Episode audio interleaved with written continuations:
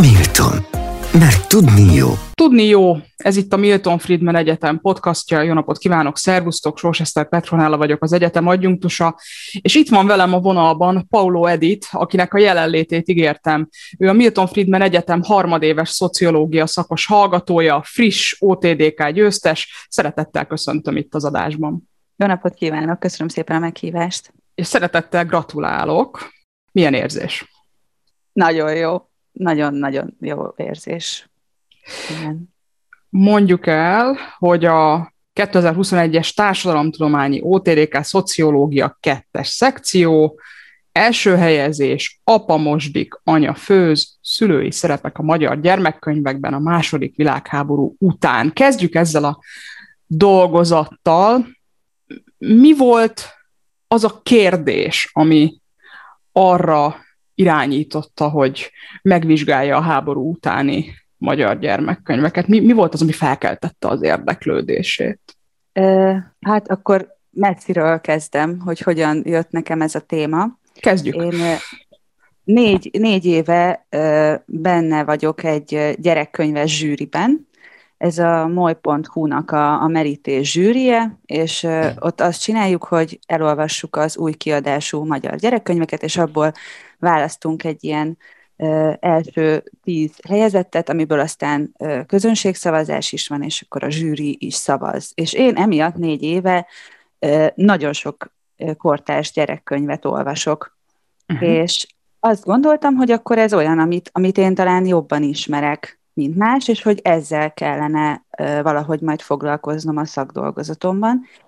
Uh-huh. Mert hogy volt néhány olyan könyv, ami, amiben feltűnt az, hogy milyen durva nemi sztereotípiák jelennek meg. Ami Tud mondani egy zavar. példát, ami úgy kiüti az ember szemét, miközben felnőttként olvassa? Volt például egy egy francia gyerekkönyv, ami egy mackó családról szólt, és ott apa medveként volt ábrázolva, anya kötényben volt, minden egyes képen, annak ellenére, hogy ő egyébként nem főzött, és ez nem is szerepelt a történetben, hanem ők bicikliztek, kirándultak, de ő mindig kötényben volt. A kisfiú medve, ő egy pólóban volt, a kislány medve pedig egy főkötőben. És hogy, hogy nekem ebből az jött le, hogy a normál medve az a heteroszexuális férfi, és minden ettől való eltérést azt valahogy jeleznünk kell, hogy értse a közönség. És hogy ez tényleg olyan volt, hogy így ezt tudjuk mondani a 21. században a gyerekeknek a, a férfiakról és a nőkről. Uh-huh. Ez, ez egy nagyon erős ö, ö, élmény volt és ekkor kezdtem el foglalkozni ezzel a témával, és elkezdtem olvasni kutatásokat. Pont ezt akartam kérdezni, hogy a dolgozatában nagyon szépen és hosszan mutatja be a nemzetközi kutatásokat, hogy a nemzetközi kutatások szerint mi jelenik meg a gyerekkönyvekben. Mi ez a nemzetközi tapasztalat? Mert hát nyilván ahhoz hasonlította a magyar tapasztalatokat. Igen, ez a 70-es években kezdődött a, a gyerekkönyveknek a, a kutatása ebből a szempontból, és az első kutatásnak az volt az eredménye, hogy általában a fiú szereplők azok, akik, akik jelen vannak a könyvekben, ők nagyon aktívak, cselekszenek, mindenféle kalandokban vesznek részt, és a, a rájuk jellemző jelzők azok mind a belső tulajdonságokra vonatkoznak, és ö, bátornak ö, és kockázatvállalónak, dominánsnak ö, állítják be őket, és ezzel szemben a női szereplők nem nagyon jelennek meg, ha pedig megjelennek, akkor ők általában otthon vannak, várják a fiúkat haza, és, és őket pedig a, a külső jellemzőjük alapján ö, írják le a szövegek, uh-huh. és utána az összes többi kutatás nagyon hasonló eredményeket talált. Uh-huh. Ö, és ezután tér rá a magyar példákra. Itt közbe kell, hogy kérdezzek, nem tudom, hogy mennyire fogom elvinni a beszélgetést, de ír a magyar olvasás kutatásról, mint ilyen módszertani előzményről, keretről. Egyáltalán mit jelent az olvasás kutatás, mint módszer? Ebbe tartozik-e, amit ön elvégzett? módszertanilag, ugye, ha jól értem, tartalomelemzést végzett. Mi a különbség, vagy mi a közös az olvasáskutatásban és a tartalomelemzésben? Igen, a, hát az olvasáskutatás az úgy éreztem, hogy megkerülhetetlen, tehát hogy nem beszélhetek könyvekről, magyar könyvekről, anélkül, hogy megemlíteném az olvasás ö, szociológiai előzményeket, mert hogy az a 60-as években indult, de hogy az inkább könyvásárlással, könyvgyűjtési szokásokkal foglalkozott, az ízlés alakulásával, olvasási szokásokkal, uh-huh. és az én fókuszom pedig nem ez volt, hanem a, a nemi sztereotípiák kérdése, a nemi szerepek kérdése. Tehát én a tartalom elemzés eszközét választottam ehhez, nemzetközi kutatások alapján, tehát hogy az alapján dolgoztam ki a módszert. Akkor ez a két módszer inkább kiegészíti egymást. Hát igen. Vagy egymás mellé helyezhető, de nem ugyanaz. Nem ugyanaz, meg ugye más is a fókusza. Uh-huh. Azt a kérdést teszi fel, most idézem, felmerül kérdésként, hogy változott-e a gyerekkönyvek szülői nemi sztereotípiáinak az erőssége az elmúlt 70 évben. Jól értem, hogy a dolgozata tulajdonképpen ezt járja körül, és elsősorban a magyar nyelvű könyveket vizsgálva? Igen, igen, a magyar nyelvű könyveket választottam. Mennyit? És összesen 40 könyvet olvastam el. Uh-huh. Négy évtizedet választottam ki, az 50-es, 70-es, 90-es éveket és 2010-es éveket, és mindegyik évtizedből 10-10 könyvet választottam uh-huh. olvasottsági adatok alapján, tehát hogy arra törekedtem, hogy olyan könyveket nézzek meg, amik sok emberhez eljutottak, amik valószínűleg sok embernek a, az olvasás élményét befolyásolták. Uh-huh. És ha jól látom, egészen impresszív, 2236 oldal szöveg, és 1507 illusztráció. Igen. Mi történt ezzel a szöveggel és az illusztrációkkal? Tehát hogy kell ezt az olvasási folyamatot elképzelni? Hát ugye, az első lépés az az volt, hogy operacionalizálni kellett uh-huh a kutatási kérdéseket, és nem is megvoltak azok a szempontok, amiket vizsgáltam a képeken és a szövegben. Ugye a bővebb téma az az, hogy a férfi és a női megjelenítés. Én ezt is tovább szűkítettem, és én csak a szülőkre mhm. koncentráltam. Uh-huh. Ez egyrészt azért volt, mert hát az első ötletem az nekem is az volt, hogy női-férfi szerepeket nézek, de aztán, ahogy elkezdtem olvasni a szakirodalmat, csalódottan vettem tudomásról, hogy ezt mások már megcsinálták előttem, uh-huh. úgyhogy ez nem jó, és akkor úgy gondoltam, hogy a szülő az mégiscsak egy ilyen szűkebb terület, ami, ami jó lehet nekem, hogy akkor jobban fókuszálni tudok a dolgozatban. Uh-huh. Másrészt pedig a gyerekek is először a szülői szerepekkel találkoznak, uh-huh. abban az életkorban, amikor, amikor nagyon fogékonyak. A, a három-hat éves kor, ugye? Igen, igen. Uh-huh. És hogy utána ezekhez a szerepekhez kapcsolják a későbbi elképzeléseiket. Uh-huh. Tehát ezért is tűnt ez egy, ez egy logikus választásnak, hogy akkor a, a szülőkre koncentráljunk. És utána akkor megvolt, hogy milyen szempontokat fogok figyelni, és akkor volt például az, hogy milyen tevékenységeket végeznek a szülők, hogyan érintik meg a gyermeküket, milyen jelző vonatkozik rájuk. És akkor, ahogy olvastam a könyveket, néztem az illusztrációkat, és akkor így számoltam. Uh-huh, uh-huh. Az fontos volt nekem, hogy, hogy ne az én szubjektív ítéletem legyen az alapja a kutatásnak, mert hát arra nem volt lehetőségem, hogy mondjuk akkor így egy ilyen kutatócsoporttal így többen ugyanazokat a könyveket vizsgáljuk, és ez mhm. alapján értékeljük, hanem hogy ez szám, tehát hogy hányszor érintette meg, milyen jelző volt az, tehát hogy ez bármikor megismételhető legyen. És ellenőrizhető. Így van, igen. Két konkrét kérdésem lenne, mielőtt a konklúzióra rátérünk. Készített egy apai és anyai dominancia indexet. Mit jelent ez, és mit mutat? Először az anyai dominancia indexet csináltam meg, mert hogy a nemzetközi szakirodalom szerint, ugye amíg azt tudjuk, hogy általában a fiú szereplők, férfi szereplők vannak többségben a gyerekkönyvekben. Hogyha a szülőkről van szó, akkor ez az arány megfordul, mivel hogy az apa az dolgozik, és ezért nem vesz részt, részt a gyerekek életében, az anya az, aki otthon van, és ő az, aki, aki felülreprezentált, és az apák válnak láthatatlanná.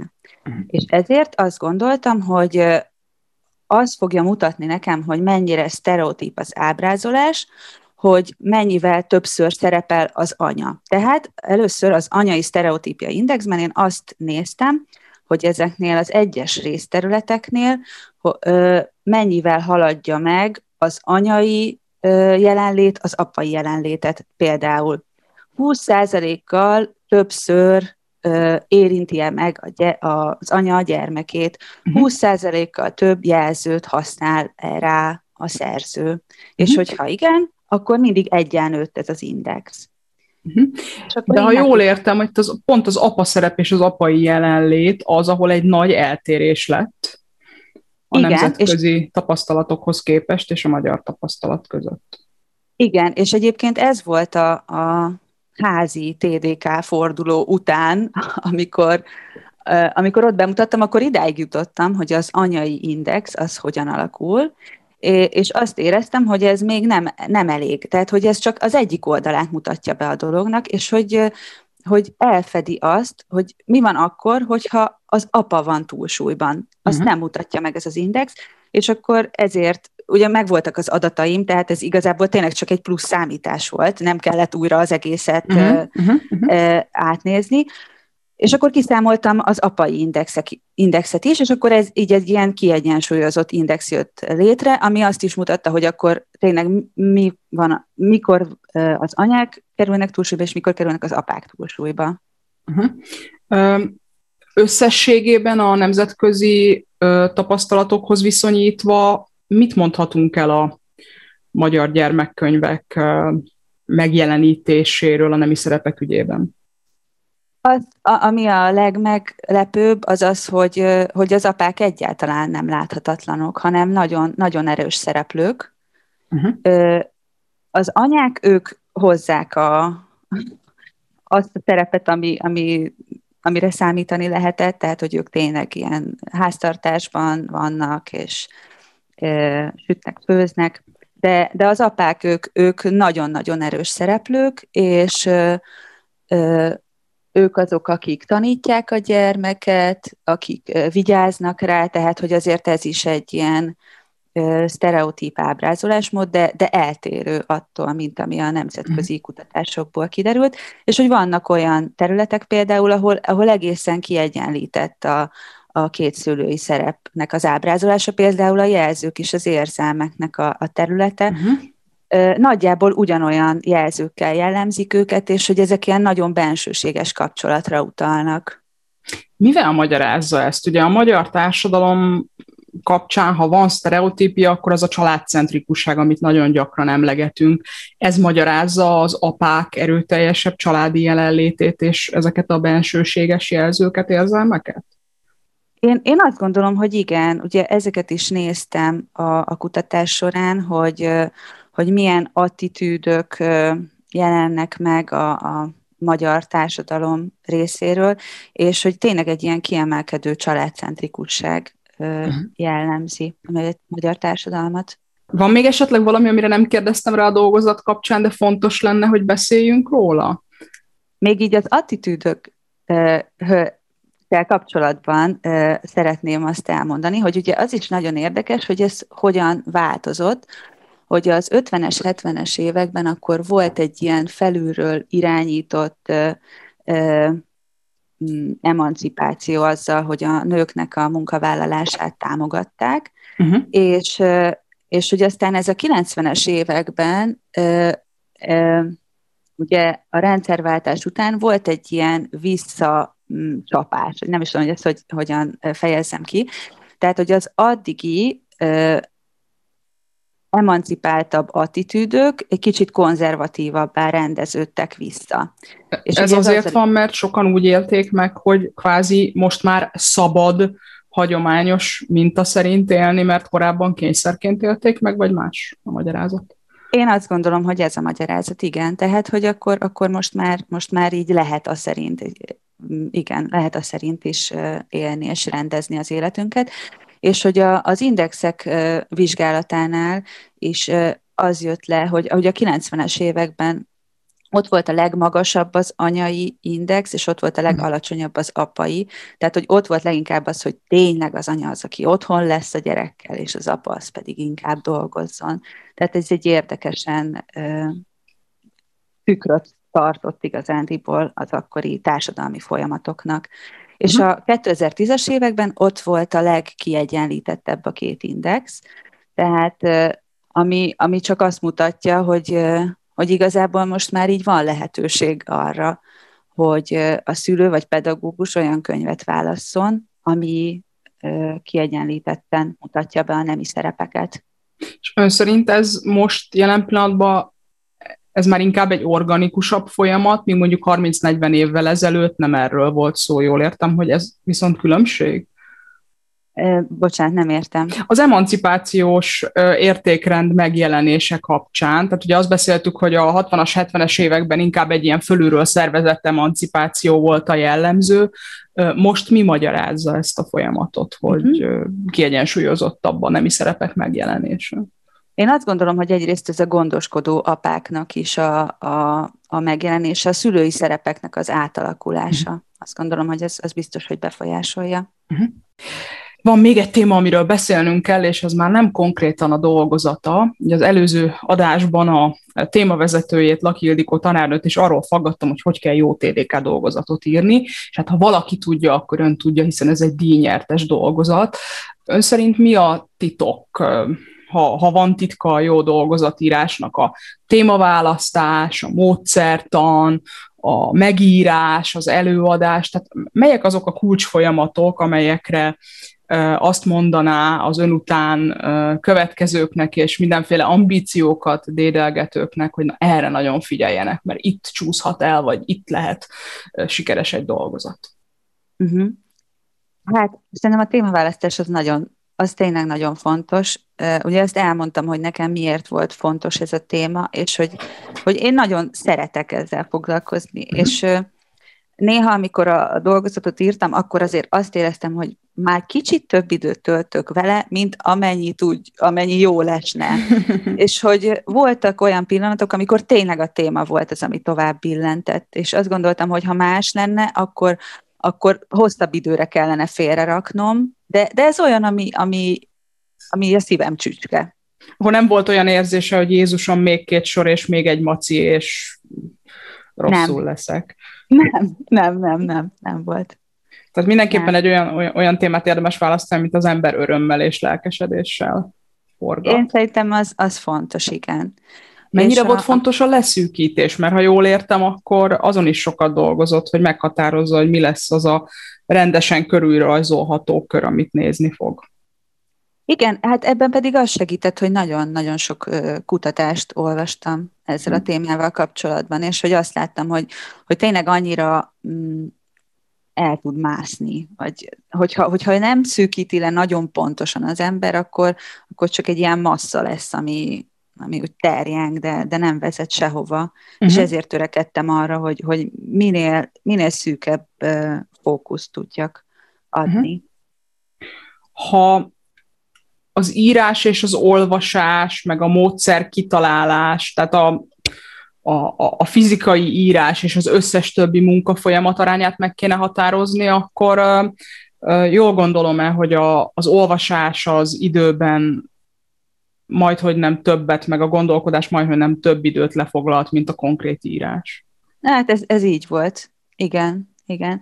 Hát ez, egy éve kezdtem el ezzel foglalkozni, és ugye úgy indult tényleg az egész, hogy, hogy amit csak fel tudtam lelni, azt, azt mindent elolvastam ezzel a témával kapcsolatban, és hogy nagyon, az nagyon fontos volt, hogy ez, erről tudjak beszélni, tudjak róla mhm, gondolkodni, mm-hmm. amíg ez így kiporta magát.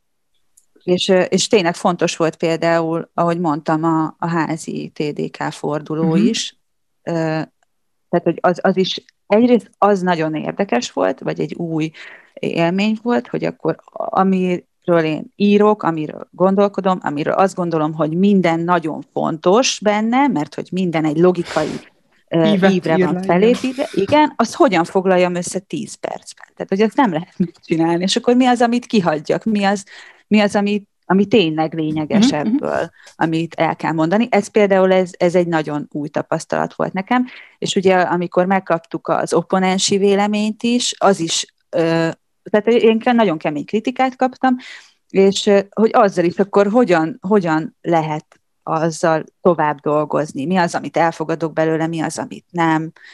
Uh-huh. Az is egy jó, érdekes élmény volt. És az országos TD-ken mik a tapasztalatai? Milyen egy jó előadás? Milyen előadások tetszettek a zsűrinek? Hát nyilván az öné tetszett, mert díjat kapott, de, de van-e valami, ami, ami ilyen rendszer szinten esetleg megragadta a fejében, ami ilyen jó tanácsként ez a, hm, ha legközelebb TD-káznék, akkor erre figyelnék. Én amilyen előadásokat láttam, maguk az előadások, azok nagyon-nagyon színvonalasak voltak, nagyon jók voltak, tehát látszott, hogy tényleg mindenki, mindenki nagyon felkészült. Inkább amilyen vitákba belehallgattam, ott módszertani kérdések merültek föl, uh-huh. azok voltak. De ez az online döntő, szerintem ez is érdekes volt, nekem hát előnyöm is származott belőle, meg hátrányom is. Na, az... mese, a hátrányok maguktól értetődőek, nem látja az ember a szemeket, mik az előnyök?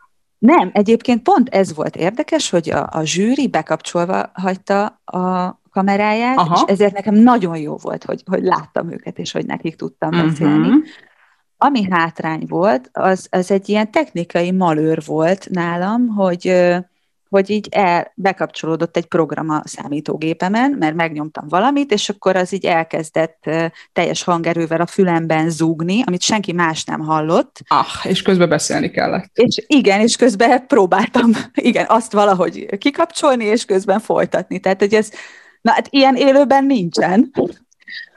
De ami viszont nagy előny volt, hogy a, az egyik zsűritag egy olyan kérdést tett fel, ami amire volt egy grafikonom a dolgozatomban, ezért azt tudtam csinálni, hogy megnyitottam a dolgozatot, gyorsan odalapoztam, és kivetítettem. Aha. Uh-huh, uh-huh. Tehát ez például egy nagyon nagy előny volt.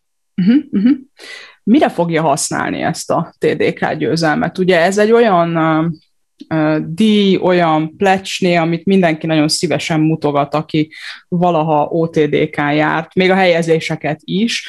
Uh, hogy látja a pályája szempontjából?